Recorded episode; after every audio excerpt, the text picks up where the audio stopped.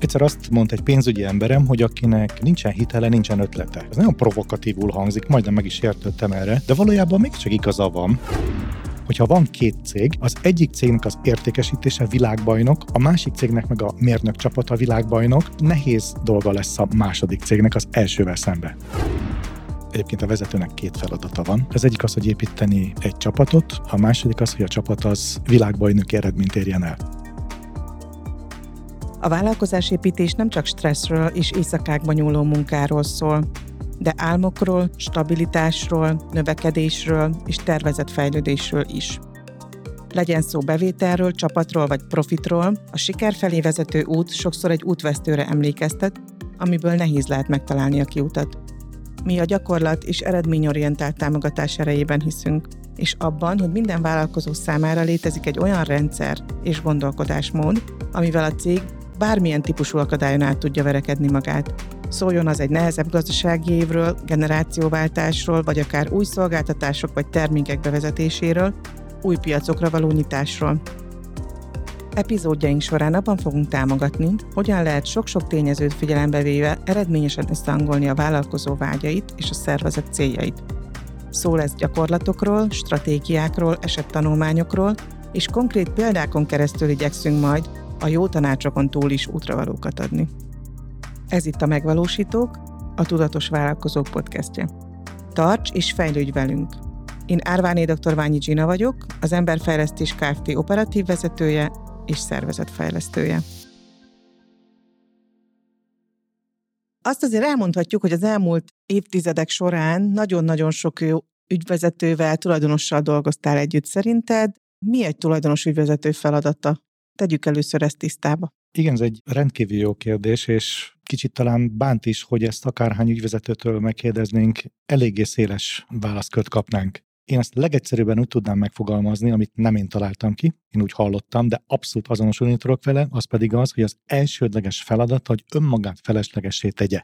Hú, ez nagyon izgalmasan hangzik. Kifejted egy picit bővebben? Igen, hát hogy is tudja önmagát feleslegessé tenni? Úgy, hogyha ő nélküle van elég bevétel, az ő operatív munkája nélkül is jó a csapat, és a harmadik, hogyha profit is képződik, akkor tulajdonképp mindent felöleltünk, ami stratégiailag fontos.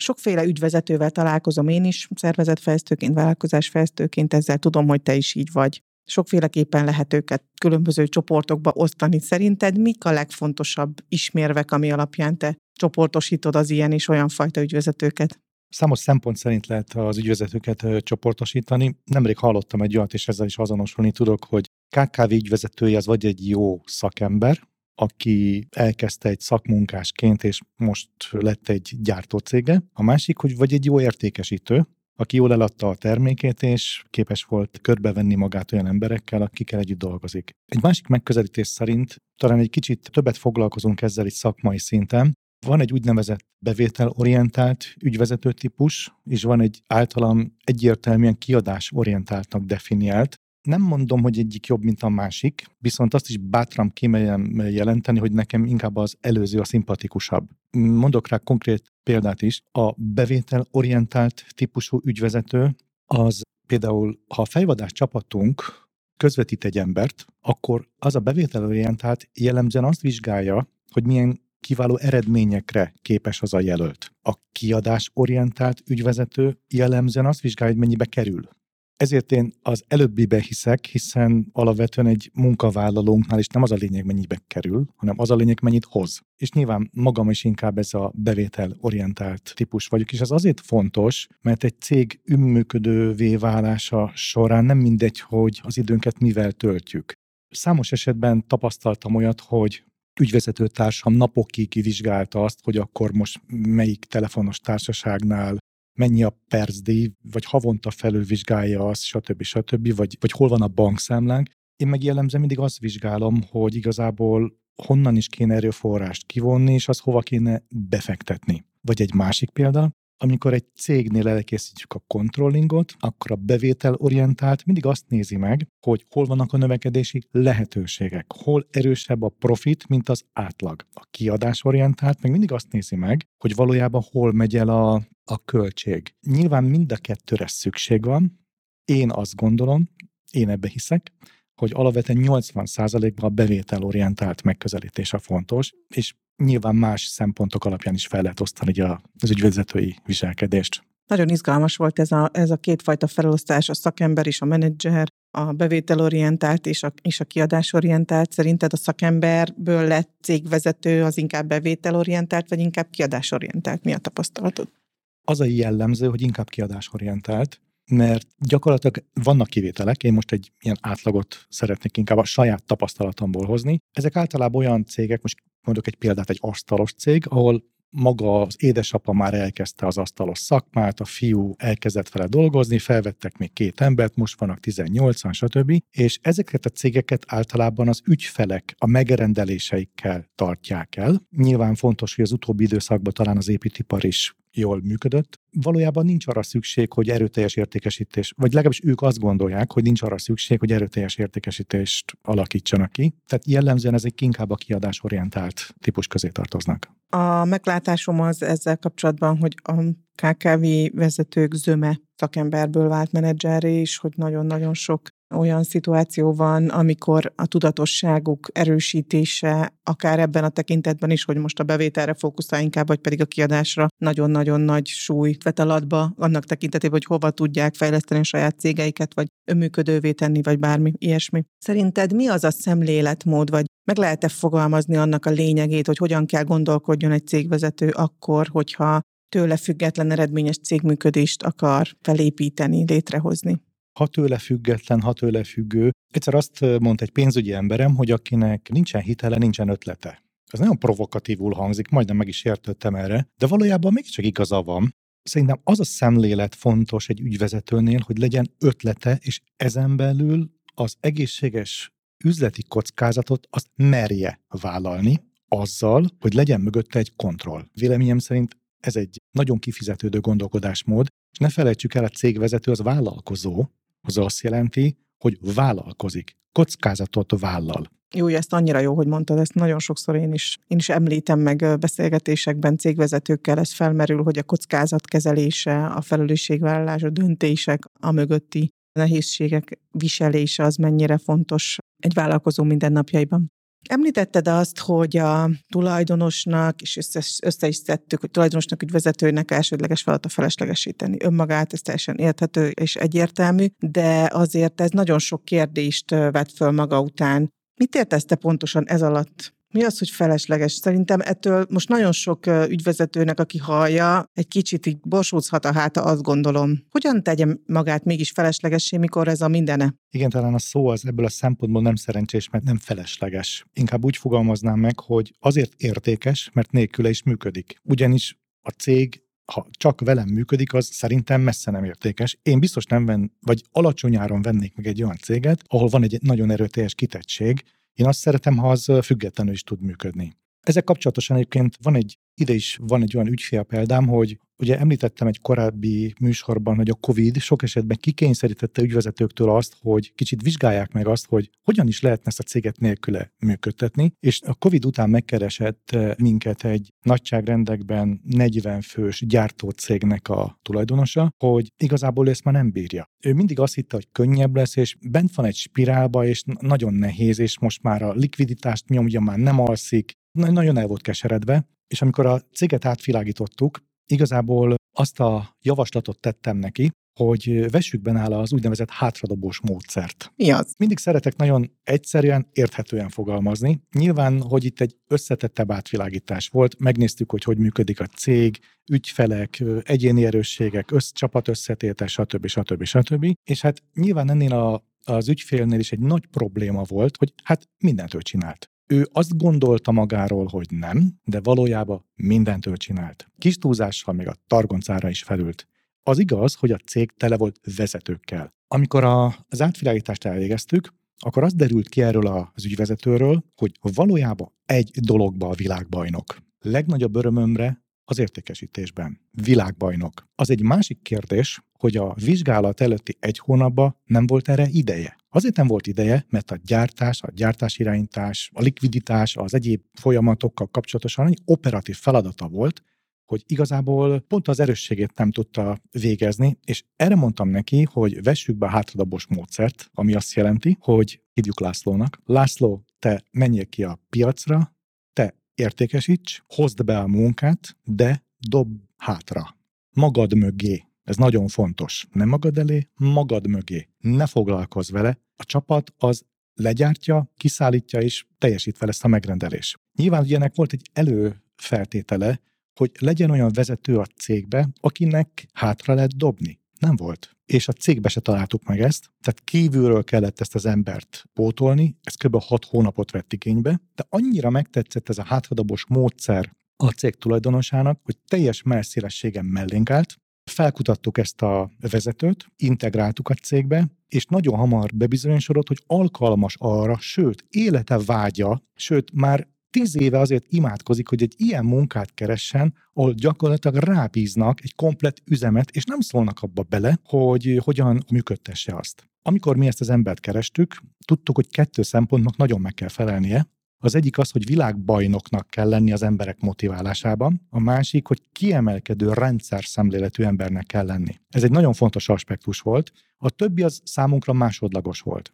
Eltelt azóta cirka másfél év, nemrég egy, még egy rendezvényünkre is meghívtuk az ügyfelet, és tudjuk, hogy az árbevétel az meg háromszorozódott, a tulajdonos az teljesen kipihent, boldog, pénteken, hétfőn pénteken nem dolgozik, vett egy új autót, azzal megy értékesíteni, jó ránézni a cégre. Igazából a tulajdonos már pontosan tudja, hogy ha ő úgy döntene, hogy teljesen másfele fordul, akkor már csak ezt a pici dolgot, idézőjelbe pici dolgot, az értékesítés kell róla levenni, és akkor teljesen önműködően működik. Tehát összefoglalva most ez a hátradobos módszer egy elég egyszerűnek tűnő, így elmondva meg persze. A szavak sok mindent elbírnak, de ez egy megtörtént, valós, életszerű dolog valahogy úgy az jut erről eszembe, hogy a feleslegessé tenni önmagát, az egy picit az is, hogy ugye a tulajdonos ügyvezető, aki felépítette, aki minden négyzetcentiméterét ismeri, aki mindent tud, hogy hogy van és mint működik a cégében, az egyszerre a legfontosabb erőforrás, és egyszerre a legnagyobb kitettség is. És hogy ezt a saját maga által létrehozott kitettséget kell kezelnie azzal, hogy magát kiváltja a cégéből, ami ezáltal valaki más által akár sokkal magasabb szintekre is tud eljutni. Ugye a tulajdonos szerepén túlmenően, ami a előző adásban említett Mester 3-as első tagja, az árbevétel és a bevétel. Sokszor szoktuk mondani, hogy ez a tulajdonosok és ügyvezetők vágyának tárgya és fejfájásnak okozója is egyben a mindennapokban. Említetted, hogy van a bevételorientált és van a kiadásorientált vezető, illetve vállalkozó. Hogyan jelenik meg náluk a fejfájás és az álom? Nemrégiben szerencsés voltam, mert egy autóipari cégnek a fejlesztői osztályán voltam, ahol a mérnökök egy motorral foglalkoztak, egy autó foglalkoztak, és ott megkérdeztem a, a mérnököt, hogy ez a motor, ez hány lóerős lesz. És akkor azt válaszolta a mérnök, hogy hát amennyit a marketing mond. Hát erre sokan azt gondolják, hogy ez meghibbant az az ember. Valójában nem. A lényeg az, hogy kétféle cég létezik az én értelmezésem szerint, amelyik cég irányítja az értékesítését,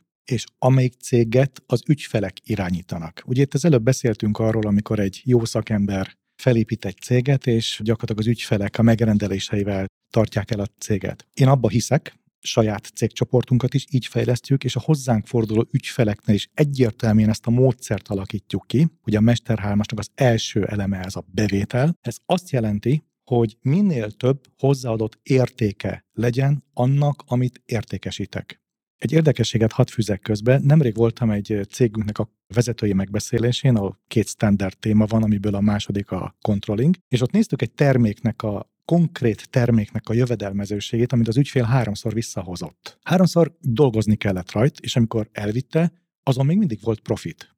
Megdöbbentünk, hát persze, mert az értékesítés jól adja el. Van olyan cég, ahol nem erős a megkülönböztetés, hogy ott a legkisebb gyártási hiba is már azonnali profitvesztéssel járhat. Visszatérve a bevételnek azon megközelítésére, hogy vannak azok a cégek, ahol saját maguk irányítják az értékesítést, mi azért preferáljuk ezt, mert azt gondolom, hogy ez a fenntartható. Nagyon sok cég panasz azzal keres meg minket, hogy multicégeknek szállítanak be, és nagyon a multicégek agresszíven törik le az áraikat, és igazából kiszolgáltatók nem nagyon tudnak mit csinálni, kénytelenek belemenni, mert tehát akkor hatalmas volumentől esnének el, igen, ez az az állapot, amikor kiszolgáltatott vagyok a megrendelőimnek. És van az a másik állapot, amit mi képviselünk, és mi építünk ki az adott cégnél, hogy megkeressük az ügyfél igényt, felkutatjuk az ügyfél igényt, és kifejlesztjük azt a saját szolgáltatást vagy terméket, amit azzal az ügyfél igényre megoldásként tudunk kínálni. Persze, egy most elmondani, ez most nagyon egyszerű volt, ezt végrehajtani azért nem ilyen, ez jóval összetettebb,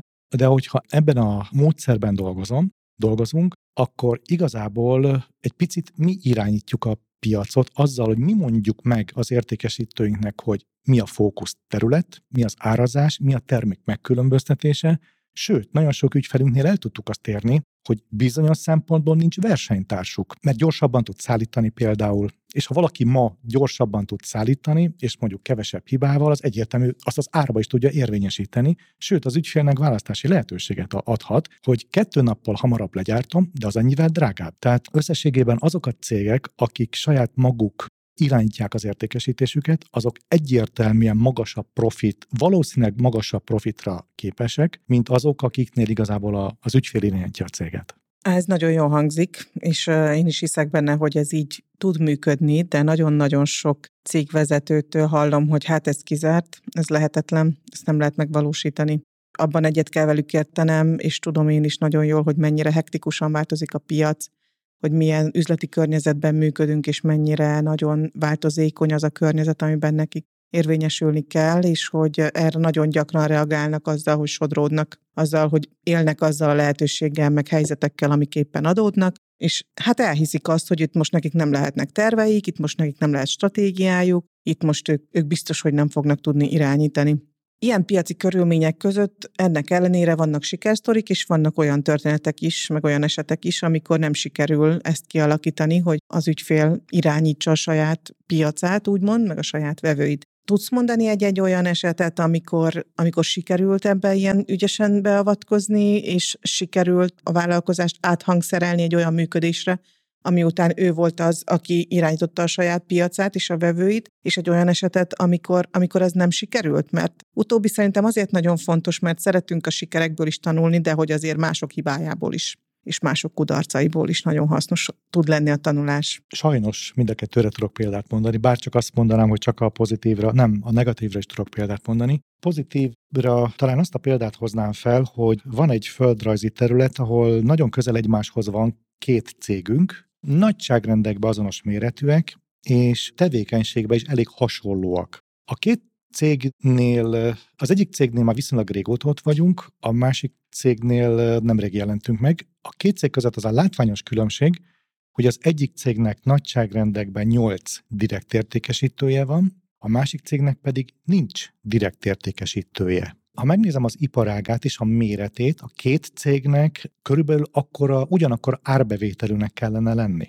Ha megnézzük a számokat konkrétan, az egyik cég az másfél milliárdos árbevételű, a második cég pedig 70%-kal eltérettől. Tehát ez is egy ékes bizonyítéka annak, ahol megértik azt, hogy, hogy ki kell építeni a marketinges értékesítési stratégiát, és be kell fektetni az értékesítésbe, jól ki kell alakítani az értékesítési csatornákat, megfelelően kell kiválasztani, ezeket a fókuszpontokon kell bevetni, azok mindig versenyelőnyre fognak szertenni azokkal a cégekkel szembe, akik erre nem költenek, és itt még azt a szélsőségeset is elmerem mondani, hogyha van két cég, az egyik cégnek az értékesítése világbajnok, a másik cégnek meg a mérnök csapata világbajnok, nehéz dolga lesz a második cégnek az elsővel szembe. Ja, abszolút nagyon izgalmas, igen, hogy mi vezet a kudarchoz, és mi vezet a sikerhez is, hogy milyen múlik ez az egész. Arról, hogy a bevételbe hogyan tudunk segíteni, változtatni a bevétel struktúrába, hogy hogyan, mit lehet ezzel kezdeni, és hogyan lehet ebben tudatosabbnak lenni, ezzel fogunk még foglalkozni bővebben a, egy másik epizódban. Most azonban nézzük meg a második pillért, ami a csapat nyilvánvalóan nem, nem lesz fura tőlem szervezetfejlesztőtől az, hogy nekem ez a kedvenc témám. Azért a csapattól függetleníteni a tulajdonost, akihez kötődnek, akihez hozzászoktak, aki, akinek a mondásai azok a szentek és értetetlenek, és hogy aki megmutatta az irányt az elmúlt x évben, az azért nem lehet egy könnyű dolog. Hogy lehet ezt megoldani? Mi, mi a tapasztalatod erről? Én azt gondolom, hogy az egyik legnehezebb feladat ez, és az ügyfeleinknél és a cégcsoportunkban is egyértelműen itt van ez a kihívás, de számos pozitív példát tudok itt mondani. Az első, amit kiemelnék, azt a mi esetünket. Ugye viszonylag kisméretű cég vagyunk, szellemi termékkel, sokat gondolkozunk együtt. Valóban nulláról kezdtük a céget, erőteljesen hozzám kötöttek az emberek, különösen azok, akik kezdetnél fogva itt vannak. Na most azoknak elmondani, hogy mától kezdve nem én, hanem mondjuk Gina, nyilván nem olyan egyszerű. Mi az, ami ezt elősegíti, illetve biztosítja, hogy ez sikeres legyen? Egyik az, hogy ha én kérek valamit az embereimtől, akkor azt ők megfogadják. Csak ez fontos, hogy ezt kérnem kell tőlük. Ezt azért emelem ki, mert nagyon sok cégnél az van, hogy valójában a tulajdonos nem is nagyon akarja kiadni a kezéből, és mindig bizonygatja, hogy ugye én mennyivel jobb voltam. Hát azért olyan jó sose lesz a, az utódom, mint én, de azért én vagyok az igazi. Tehát ez fontos, hogy ezt én egyrészt nem így gondolom, hanem pont a fordítottját gondolom, másik meg az, hogy tényleg ezt profin kell kommunikálnom. A következő pont az, hogy itt van az én felelősségem, hogy nem mindegy kit választok. És itt jön az a pont, hogy nekem először azt kell néznem, milyen ember, aztán azt kell néznem, milyen szakember, és hogy milyen üzletember. És ez a sorrend, ez nálam nagyon fontos. Ha az az ember, akit kiválasztunk magunk helyett, vagy arra a pozícióra magunk helyett, akkor, hogyha az értékrendjében hasonlít hozzám, ne legyen azonos, nem is lehet, hasonlít, párhuzamos, akkor az emberek nagy eséllyel ezt elfogadják. Második, hogy szerintem egy vezetőnek Egyébként a vezetőnek két feladata van. Az egyik az, hogy építeni egy csapatot, a második az, hogy a csapat az világbajnoki eredményt érjen el. De ha az elsőt vesszük, ha ezekre a kulcspozíciókra olyan embert választunk, aki világbajnok a motiválásban, akkor saját magunk dolgát könnyítettük meg ezzel. Nagyon jó példa a mi esetünk is, szerintem Gina, határozottan így látom, vagy mondhatnám akár a cégcsoportunkban mondjuk Melindát, aki az értékesítési vezetőnk, világbajnok a motiválásban, és nekem nem szégyen azt kimondanom, hogy sokszor kaptam visszajelzésnek, hogy kedves József, te voltál a fény, de aztán közben te voltál a hold, aztán feljött a nap, és most látjuk, hogy az mennyivel szebben tündököl. Igen, nem szégyen ezt kimondanom, nekem ez inkább büszkeség, hogy olyan embert választottam ki, aki abban a pozícióban jobb, mint én, világbajnok a, az emberek motiválásában. Tehát ha ezeket a kulcselemeket itt tiszteletbe tartjuk, akkor igazából ennek a kockázatát a minimálisra tudjuk csökkenteni, illetve amit az elején mondtam, hogy nekem feltétlen nélkül látványosan és őszintén támogatnom ezt az embert, mert a régi dolgozóink azonnal észrevennék, hogyha én abban az emberben nem száz százalékba bízom. Abszolút egyetértek veled, szervezetfejlesztőként én is gyakran látom ezt cégekben, hogy van egy mondás arról, hogy igen, itt a jelölt, itt az utód, most már ő lesz a főnök, de valahogy még sincs úgy pozícionálva, meg úgy sem, nem hisz úgy benne sem a, a tulajdonos, sem pedig ezáltal az egész szervezet, vagy a csapat, mint ahogyan a, a sikerhez arra szükség lenne. Ami eszembe jutott ezzel kapcsolatban az az, hogy bár nagyon sokat lehet előkészülni, nagyon sok szempont szerint megnézni az utódot, operatív vezetőt, vagy az új ügyvezetőt, és úgy, úgy kiválasztani, de hogy,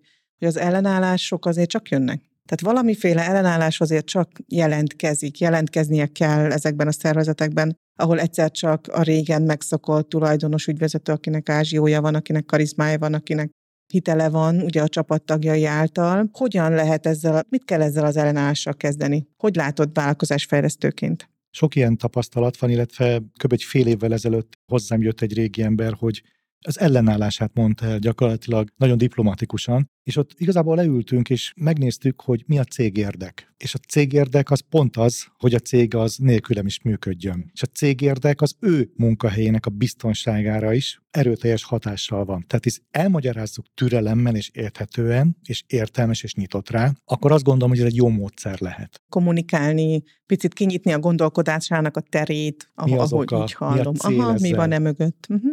Ugye azon túlmenően, hogy a csapat hogyan fogadja el az új vezetőt, azon túlmenően szerintem azt sem hagyhatjuk most ki ebből a beszélgetésből, hogy milyen milyen helyzet van most jelenleg a munkaerőpiacon. Te hogy látod, hogy a magyar KKV-k azok most milyen helyzetekkel találják szembe magukat HR fronton? Én előszeretettel alkalmazok mindig különleges megközelítéseket, és szeretek a kereteken kívül gondolkozni. Mondhatnám, hogy szenvedélyem is. A határozott álláspontom az, jelölt van. Legtöbb esetben a másik oldala van a probléma, csábító vízió nincs. Erre több példát is tudok felsorakoztatni. Mivel van fejvadász üzletágunk, én is napi szinten követem, hogy milyen sikereket érünk el, és nemrég volt egy olyan esetünk, amikor egy cég egy a fejlődéséhez egy értékesítési vezetői pozíciót kerestetett velünk, és a jelölt bemutatásánál ott voltunk, és megdöbbenve tapasztaltuk azt, hogy a cég egy egybe kimondta annak a rendkívül ambiciózus embernek, akinek szándéka volt felszántani a piacot, hogy nyugalom, mi nem leszünk piacvezetők, és nem is törekszünk rá. Tehát megrázó volt ezt hallanom, hogy egy olyan embernek, aki itt eredményeket akar elérni, egyből a korlátokat kellett megtapasztalnia. A másik eset, amikor ugye mindenhol az jön, hogy nagyon nem találni szakmunkást például. Olyan esetünk is volt, amikor egy határszéli ügyfélről, egy gyártott cégről van szó, ahol igazából Ausztriából jött haza a, az a szakmunkás, és nyilván a bérelvárás az magasabb volt, mint a szokványos. És ugye helyből nem érdekelte a tulajdonost, aztán elértük azt, hogy oké, okay, legyen egy próbanap. A próbanapon kiderült, hogy eszméletlen a termelékenysége. Egyszerűen egy más kultúrát szokott meg, vagy éppen szerencsénk volt azzal az emberrel, de teljesen más termelékenység szintet mutatott, mint a környezete. És ahelyett, hogy megnéztük volna, hogy az mennyit hoz, vagy megvizsgálta volna a cég, hogy hogy lehet esetleg a létszámot esetleg csökkenteni termelékeny emberrel, hogy az összbértömeg csökkentve, de az egyéni bér az magasabb, ehelyett egyértelműen elutasították a jelöltet, absz sem érdekelte őket, hogy jóval termelékenyebb az illető. Illetve a harmadik, hogyha egy cég azzal keres, nagyon sokszor van olyan tapasztalatunk, hogy azzal keres meg minket a cég, hogy akár az, az önműködővé válás, vagy akár a profitnak a megtöbbszörözése, stb. Oda kell egy masszív, ambiciózus, hihető, számokkal alátámasztott terv. Ha ezt tényleg jól kidolgozzuk, és amikor bejön egy jelölt, akit szeretnénk mi megszerezni, egy adott cégnél, és őnek is elé tesszük, akkor teljesen más az a becsábító erő, mint hogyha vizsgáztatom a jelöltet, és a szokványos, már elavult, csúnyán fogalmazva HR kérdéseket teszem fel nekik. Tehát elmúlt az a világ, amikor versenyeztettem a, a jelölteket, hanem inkább pont a fordítottja, a legjobb emberekre van szükség, viszont tudomásul kell venni, egy legjobb ember attól legjobb ember, hogy ő neki vannak elvárásai. Tehát ő el akar valamit érni, ő professzionális céghez akar menni. Őszintén, ha én most egy munkaerőpiacon mondjuk keresnék magamnak egy pozíciót, én nagyon megnézném, hogy valójában milyen a cégnél a struktúra, hogyan érhetek el kiváló eredményt. Ezzel szemben mi azt tapasztaljuk, hogy sok esetben, hogyha bérről van szó, akkor nagyon kritikusak a egyes ügyvezetők, viszont arra a kérdésre, hogy hogyan definiálnák az adott pozícióba a kiváló teljesítményt, arra nem tudnak válaszolni. Pedig pont, hogy az, az, a, az a jó verzió, hogyha definiálni tudom a kiváló teljesítményt, és annak az elérésére veszem fel az embert, és ebben a filozófiába keresek embert. Tehát összességében azt tudom mondani, hogy az a cég, aki rendkívül vonzó lehetőséget kínál a munkavállalónak, illetve sokat dolgozik azon, hogy a saját brandje az jó legyen, sokat dolgozik azon, hogy a munkavállalói elégedettség az magas legyen, sokat dolgozik azon, hogy híres legyen a, a cég arról, hogy ott igazságos a teljesítmény megítélése, hogy ott csapat van, hogy ott az osztályok jól együttműködnek, hogy ott a vezető az valóban partnere az emberének, ha ez így régóta így működik, az a cég nem különösebben nem fog szenvedni, hogy munkaerőt találjon. Ennek a fordítottja nagyon sok cégnél jellemző, ezek valóban nagyon nehezen fognak munkaerőt találni, és jellemzően ezektől az emberektől halljuk, vagy ezektől a vezetőktől halljuk, hogy nincsen jelölt, most is azt mondom, jelölt van, csak el kell fogadnunk, hogy, a, hogy az értékes jelölt az megválogatja, hogy hova megy, aki meg 30 ezer forintért váltogatja a munkahelyét, azokat nem szabad felvenni. Picit azt hallom abból, amit mondasz, mint hogyha a jelöltek tudatosabbak lennének abban, hogy hova akarnak ők menni, mint azok, akik keresik a jelölteket, hogy egész pontosan kire vágynak, vagy mit is várnak el attól a jelöltől. Előfordul. Érdekes volt, amit mondtál, hogy mennyire rossz volt hallani azon az állásinterjún, hogy hát mi nem akarunk a elsők lenni ezen a, ezen a piacon, és hogy ez a nagyon agilis és nagyon törekvő, ambiciózus értékesítő jelölt, ez aztán ne akarjon itt nagyon nagy hegycsúcsokat megmászni, viszont olyan szempontból meg transzparens és egyértelmű a kommunikáció, tudhatja, hogy hova megy. Sok csapattal dolgoztál együtt, én is sok csapattal dolgoztam már együtt. Szerinted milyen az ideális csapat? Lehet, hogy ebben te sokkal jobb szakember vagy, mint én, de az ideális csapat az a csapat érdekeit az előtérbe helyezi az egyéni érdekek elé. És azt gondolom, hogy ez nagyon sok mindent így leírtam. Mi még szerinted, ami kell egy sikeres csapathoz, és ami most kimondottan ugye az önműködő cég koncepcióját próbáljuk körbejárni, ami ebből a szempontból fontos. A vezető. Ugye a vezető az kettő dologban biztos világbajnok a csapat felépítésében, ez az egyik blokk, motiválásában, képzésében, becsábításban.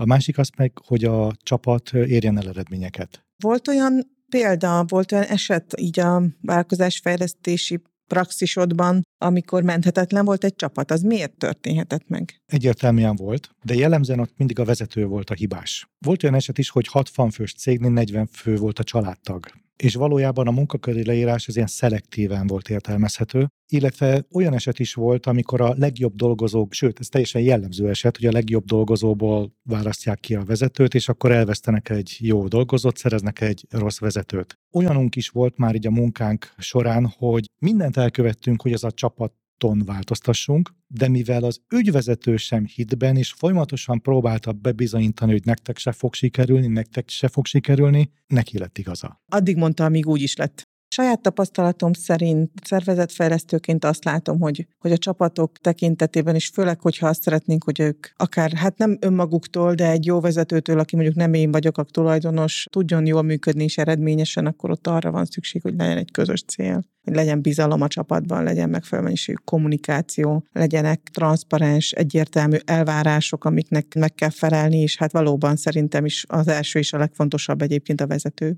mert ahol hárman vannak, ott már kell lenni egy vezetőnek, szoktuk mondani, és hát ez aztán maximálisan igaz egy cégben működő csapatra. Ennek kapcsán egyébként egy gyakorlati példa, ami esetleg hasznos lehet, tehát ahol ezt a csapat dimenziót erősíteni szeretnénk, illetve mindenhol egy havi megbeszélésnek én rendszeresen részévé szoktam tenni, hogy kivetítjük a szervezeti felépítést. Ennek ugye előfeltétele, hogy legyen, második feltétele, hogy jó legyen, ezek teljesen átformálják a vezetőknek a fogalmát. Amíg nem így dolgozunk, addig a cég a HRS-től várja el, hogy legyen ember, legyenek képesek, ne legyen üres terület, stb. stb. Nekem teljesen más az álláspontom. Szerintem ez a vezető feladata. A vezető feladata, hogy a saját csapata az ütőképes legyen, a HR-től maximum csak támogatást kaphat. És legutóbb is, amikor egy cégnél kivetítettük a szervezeti felépítést, és behívtuk a műszakvezetőket, nyilván nem értették, hogy miért kell nekem oda bemennem. Úristen, már megint mi ez a hülyeség. És amikor ki volt vetítve a szervezetés, megkértük a műszakvezetőket, hogy Béla, ott van nyolc embered, mesélj róluk nagyon kelletlen volt a hozzáállásuk, hogy hát most mit mondjak róluk, hát a Tóni az olyan, amilyen, a Jenőt azt szeretem, Jancsi az meg nem sokára fel fog mondani. Hú,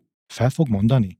Elkezdtünk beszélni, és ma már ott tartunk ennél a cégnél, hogy már ők készülve jönnek. Nagyon sokszor előfordult az, hogy egy reménytelen embert nem kellett eltávolítanunk, hanem megtaláltuk máshol a szervezetben a helyét. Tehát igazából már ők várják ezt, és teljesen más szintre került a szervezetnek a fejlesztése, amióta ez egy kulcs téma. Manapság ezen a vezetői megbeszélésen, hát valamikor van másfél óra csak ezzel a témakörrel töltjük, vagy tölti az adott cég, hogy az osztályoknak a vezetői beszámolnak a saját embereikről, nem mindig mindenkiről részletesen, de ebből mindig nagyon jó dolgok jönnek ki. Általában kettő dolgot szoktunk ezeken megvizsgálni, milyen a hozzáállása, milyen a motivációja, ez változott-e, stb., és milyen a szakmaisága. És ezt mindenkinek javaslom, hogy ezt próbálja ki, hogy ebbe vonja be a csapatát, mert ez nagyon az irányban mutat, hogy a csapat erősség, a csapat egységét, az osztályok közötti együttműködést és a vezetői szerepvállalást erősíti, mert sokszor tapasztalom azt, hogy egy cégnél, amikor dolgozunk, szervezeti felépítésnél van két ember, aki gyakran selejtet gyárt, és a vezetője, ja, hát ő ilyen.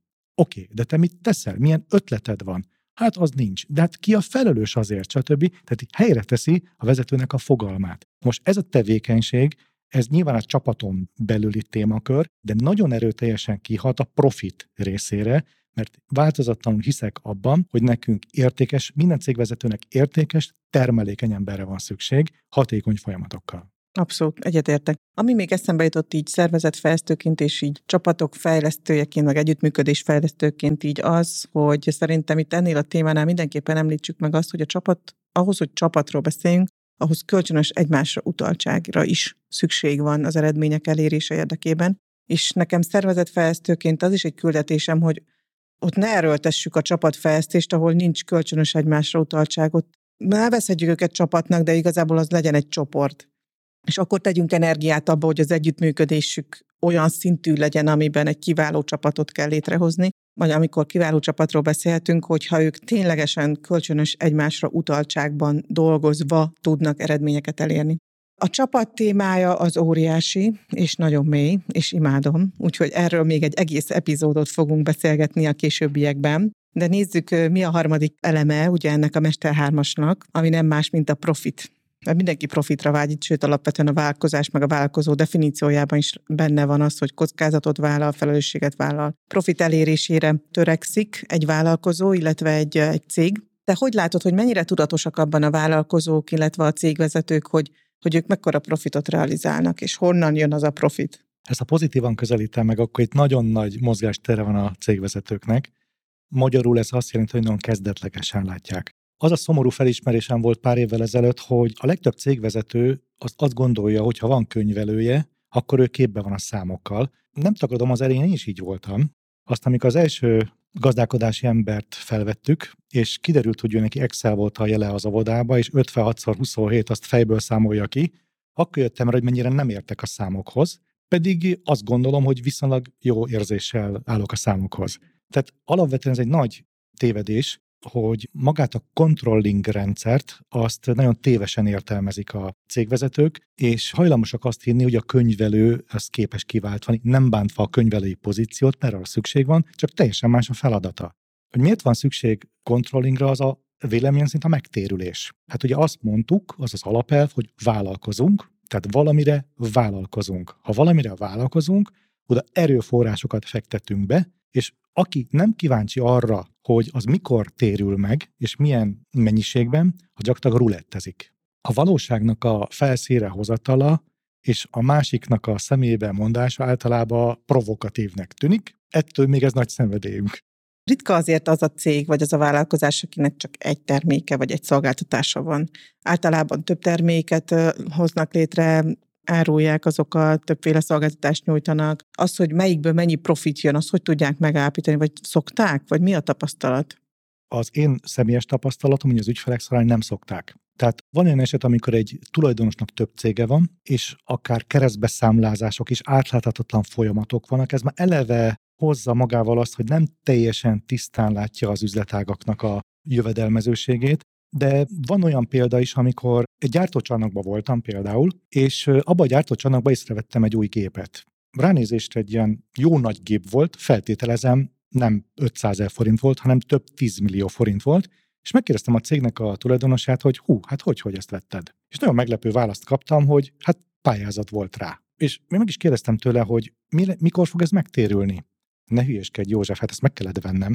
Tehát valószínű jó érzéssel vezeti a cégét a tulajdonos, és még azt is el tudom képzelni, hogy megtérül az a gép, mert hát azért az a cég eljutott oda valamiért, tehát valószínűleg jól vezeti azt a céget, de mégis hiányolom benne azt a tudatosságot, hogy igenis tudnia kell egészen pontosan számokkal alátámasztva a cég ügyvezetőjének, hogy hol vannak azok a cégében azok a területek, ahova forrás tesz be, az viszonylag biztonságosan és magas hatékonysággal megtérül. Másik példa az, hogy egy ügyfelünk keresett meg azzal, hogy bár elégedett az árbevétel nagyságával, volumenével, ő szerinte az a cég méretéhez képest jó, ezzel egyet is értek egyébként. A profit szint is véleménye szerint jó, csak az utóbbi időszakban a stagnált. Amikor megvizsgáltuk a céget, és azt felosztottuk, kicsit széthúztuk ezzel a Matrix módszerünkkel, erről majd ha lesz lehetőségem, beszélek bővebben, ez egy nagyon érdekes terület. Gyakorlatilag ez azt jelenti, hogy számok segítségével megértjük a céget. Megértjük, hogy milyen ügyféltípusoknak szállít be, és egy másik dimenzióban, hogy milyen termékei, milyen szolgáltatásai vannak, és ezeknek a meccés pontja azok a célszegmensek. Na most, amikor ezt a cégnél elvégeztük, akkor kiderült, hogy az össz profit, az nyilván egy summa profit, és a körülbelül 8 üzletágából kettő masszív veszteséget termel. Ezt tőlünk tudta meg a cég, és ezt nélkülünk nem tudta. Na most igazából, ha semmi más nem csinált volna a cég, mint azt a kettő üzletágat bezárja, akkor a suma profit emelkedett volna. Nem ezt a megoldást választottuk, de csak egy jó példája, hogy a, a cégvezetők mélységébe mennyire nem tudják, hogy valójában a profit az hol képződik a cégükbe. Ezt most biztos nehéz azért hallani ügyvezetőknek, hogy valaki nem tudta azt, hogy volt két olyan üzletág, amit masszívan veszteséget termelt. Hogy tud ez létrejönni? Hogy tud ez létrejönni, hogy valaki működtet egy céget, amiben létezik és működik két olyan üzletág, ami masszív, veszteséges, és nem veszi észre? Mondok erre nagyon egyszerű példákat. Most itt hirtelen két példa is eszembe jutott. Az egyik az, hogy az egyik cégünknél szintén volt az az eset, Covid alatt időszakban volt, hogy az egyik ügyféltípus kamionszám hordta az alap, vitte az alapanyagot a műhelybe, és mondta nekem az ügyvezető, hogy az nagyon jó volt látni, hogy látod József, mennyi munka van, ha ez most nem lenne, mi lenne velünk? És valóban a műhely az dugig volt munkával. Aztán kiderült, hogy ha megnézzük azt az üzletágat, és azt az ügyféltípust, akinek készültek ezek a munkák, ebben az esetben ez 3% veszteséget termelt. És azt is kimutattuk, hogy ha ugyanazt a terméket nem abba az üzletágba szállítaná be, hanem egy másikba, ott viszont nyereséges a cég a tények alapján. Tehát ennyire fontos, hogy értsük, hogy mennyire fontos értenünk, hogy melyik termékünk profitábilis. A másik példa, hogy mennyire nem figyelünk a profitra, egy érdekes eset, hogy az egyik cég azzal keresett meg minket, hogy rengeteg munka van, egyrészt szeretne velünk megkerestetni még négy embert, viszont valami nem stimmel, mert nincs profit. És amikor ezt a céget megvizsgáltuk, kapásból kiderült, hogy a termelésben valami nagyon nem stimmel, és az az ötletünk merült fel, hogy igazából megnézzük, hogy a dolgozók mivel töltik az idejüket. Az előzmény az az volt, hogy a profit vizsgálatok után ott ment el, hogy rengeteg a túlóra. Tehát egy dolgozónál egy havi munka, ha jól számolok, a 168 óra, 21 munkanappal, jellemzően olyan 200, nem tudom, 200 fölötti óraszám jött össze, és azon gondolkoztunk, hogy most vagy nagyon olcsón adunk el, vagy nagyon rossz hatékonysággal gyártunk. Amikor megnéztük az adott cégnél, hogy nézzük-e, hogy egy adott dolgozó az mivel foglalkozik, nem nézzük. Azonnal bevezettünk egy rendszert, egy kezdetleges rendszer, csak a kísérletkép, amin azt mértük, hogy egy adott dolgozó az adott munka darabbal mennyi időt tölt el. Amikor eltelt egy hónap, döbbenetes eredmények jöttek ki. Egyrészt kijött, hogy egy dolgozónak nem hogy 220 órája jött össze, még 100 is alig. Tehát az összes többi idő nem volt anyag, nem tudtam tovább menni, megakadt a termelési lánc, műhelyt kellett takarítanom, stb. stb. stb. A másik döbbenetes adat viszont ott volt, hogy ha megnéztünk egy munkadarabot, amit úgy adtunk el, hogy 200 munkaóra volt rátervezve, valamelyiken már 400 órája dolgozunk. Tehát két döbbenetes adat jött el, hogy hol megy el a profit. Ennek az esetnek volt egy sajnálatos kimenetele is, és ez érdemes erről is egy gondolatot beszélnünk, vagy megemlítenem, mert belém égetődött, hogy aztán megnéztük, hogy a túlórában mi történik. Nem azzal a módszerrel, hogy, el, hogy bejelentettük, hanem egyszerűen kimentünk, és sajnálattal azt tapasztaltuk, hogy a dolgozók végül is úgy alakították a saját munkaidőjüket, hogy saját maguknak írtak elő túlórát, mert hát nem végzünk, sürgős, saját maguk gondoskodtak arról, hogy túlórázhassanak, ez az egyik. De az igazán sajnálatos az az volt, hogy ezen a túlórán olyat is láttunk, hogy valaki a maszekját csinálta. És ha belegondolok, túlórában a maszekját, ez valami dupla veszteség a cégnek, tehát visszatérve ezer helyen mehet el a pénz, a profit, itt most talán két olyan példa, ami nagyon húsba vágó, és ezért kell, ezért fontos a rendszer szemlélet, a kontroll, az emberek megfelelő kiválasztása, stb. Ami nekem most nagyon-nagyon hangos itt a fejemben, azzal a sok információval, meg esettel kapcsolatban, amiket mondtál itt a profit kapcsán, hogy mennyit szót ejtettél az emberekről, a csapatról. Nem tudom nem észrevenni azt, hogy mennyire összefügg egymással ez a, ez a három elem, a bevétel, a csapat és a profit. Hogyan függnek ezek össze? Egyik a másik nélkül nem létezhet. Amikor a cégemet megalapítottam, nagyon sokat gondolkoztam a cég nevén. Értékesítés, fejlesztés, rendszerfejlesztés, mindenféle néven gondolkoztam, aztán rájöttem, hogy igazából minden az emberem múlik. És az emberem múlik, de ez a három dolog, ez annyira összetartozik, annyira szinergiában van egymással ez a bevétel, csapat, profit, hogyha valaki ezt a körfolyamat elkezdi működtetni, akkor lesz sikeres, ha ennek egy-egy elemét emeli ki, és csak a profittal foglalkozik, ott szét fog esni a szervezet, ott nem lesz termékinnováció, stb. stb. Mit jelent ez akkor a gyakorlatban, hogy mindennel egyszerre kell foglalkozni? Tehát egyszerre kell a bevételre fókuszálni a csapatra és a profitra? Párhuzamosan? Tulajdonképp az én cégemben is mind a hárommal foglalkozunk, csak nem én. Illetve minden cégben külön ember foglalkozik a különböző területekkel. Véleményem szerint azt az időt éljük, amikor minden egyes cégvezető rá van kényszerítve, hogy a folyamatait felgyorsítsa, optimalizálja. És most már nem érjünk rá ezeket a folyamatokat három évente megvizsgálni, ezekkel mindig foglalkozni kell, Egészen pontosan én végeztem annó egy ilyen saját felmérést, én 80%-át az időmnek csak ezzel a három dologgal foglalkoztam, egyszerűen nem fért bele más dolog. Az egy másik kérdés, hogyha egy átlagos cégvezetőnél ezt megnézzük, mi örülünk, hogyha 40%-kal ezzel foglalkozik, ezzel a három terület valamelyikével, és nem pedig valamilyen operatív dologgal. Azért én nagyon sok ügyvezetőt látok, aki, aki nagyon erőteljes csinálásban van. Tehát, hogy csinálja, csinálja, nyomja, dolgozik, mint az őrült, mindenen, mindenben benne van, és hogy ezt azért élvezik is általában, azt lehet mondani. De hogy mi az a pont, vagy mi az a jel, amiből észre kell vegye, hogy most már meg kell állni, és egy picit össze kell rendezni a dolgokat, és oda kell figyelni erre a három területre, és tudatosan kell elkezdeni ezekkel foglalkoznia. Rengeteg jel van. Elmennek a cégtől a jó emberek, a kiváló emberek. A kiváló emberek megkövetelik azt, hogy ők eredményeket éressenek el. Én a Hiltinél dolgoztam 15 évet, az első évben megcsináltam a saját kis BT-met, és alig vártam már, hogy ott elinduljak, és mindig, minden évben kaptam egy olyan lehetőséget, amit na, ezt még megcsinálom. És ez 15 évig tartott. És ha ez nem lett volna, akkor én eljöttem volna és azt gondolom, hogy, hogy ezek azok a jelek, de más jelek is vannak, hogyha, hogyha az ügyvezető érzi magán, hogy már sok család, munka-magánélet egyensúlya, vagy a profit, vagy az árbevétel, vagy a, vagy a versenytársak jobbak, mint ő, vagy ezer példát tudok mondani, tehát mind olyan jel, ami egyszerűen szörnyű ezt megfogalmaznom, de bekényszerít minket egy olyan útba, ahol egyszerűen nincs más lehetőségünk, mint fejlődni figyeljen a jelekre, vegye észre, és aztán próbáljon abból következtetéseket levonni, vagy kezdjen el beszélgetni az én fejemben, még ez van, hogy kezdjen el beszélgetni az embereivel, kezdjen el beszélgetni a partnereivel. Nézzen körbe, hogy mi az, amit érez, mi az, ami, ami gondolatok jönnek, és azok miért jönnek, és hogyan. Köszönöm szépen a beszélgetést, Grebi. Folytatjuk még ezt a témát, bővebben, mélyebben bele fogunk menni ezekbe a témakörökbe, a Mester 3-as különböző pontjaiba. Ez volt a Megvalósítók, a Tudatos Vállalkozók podcastje. Iratkozz fel műsorunkra, értékelj minket, és tarts velünk a további epizódok során is. Én Árváné dr. Ványi Gina voltam. Sziasztok!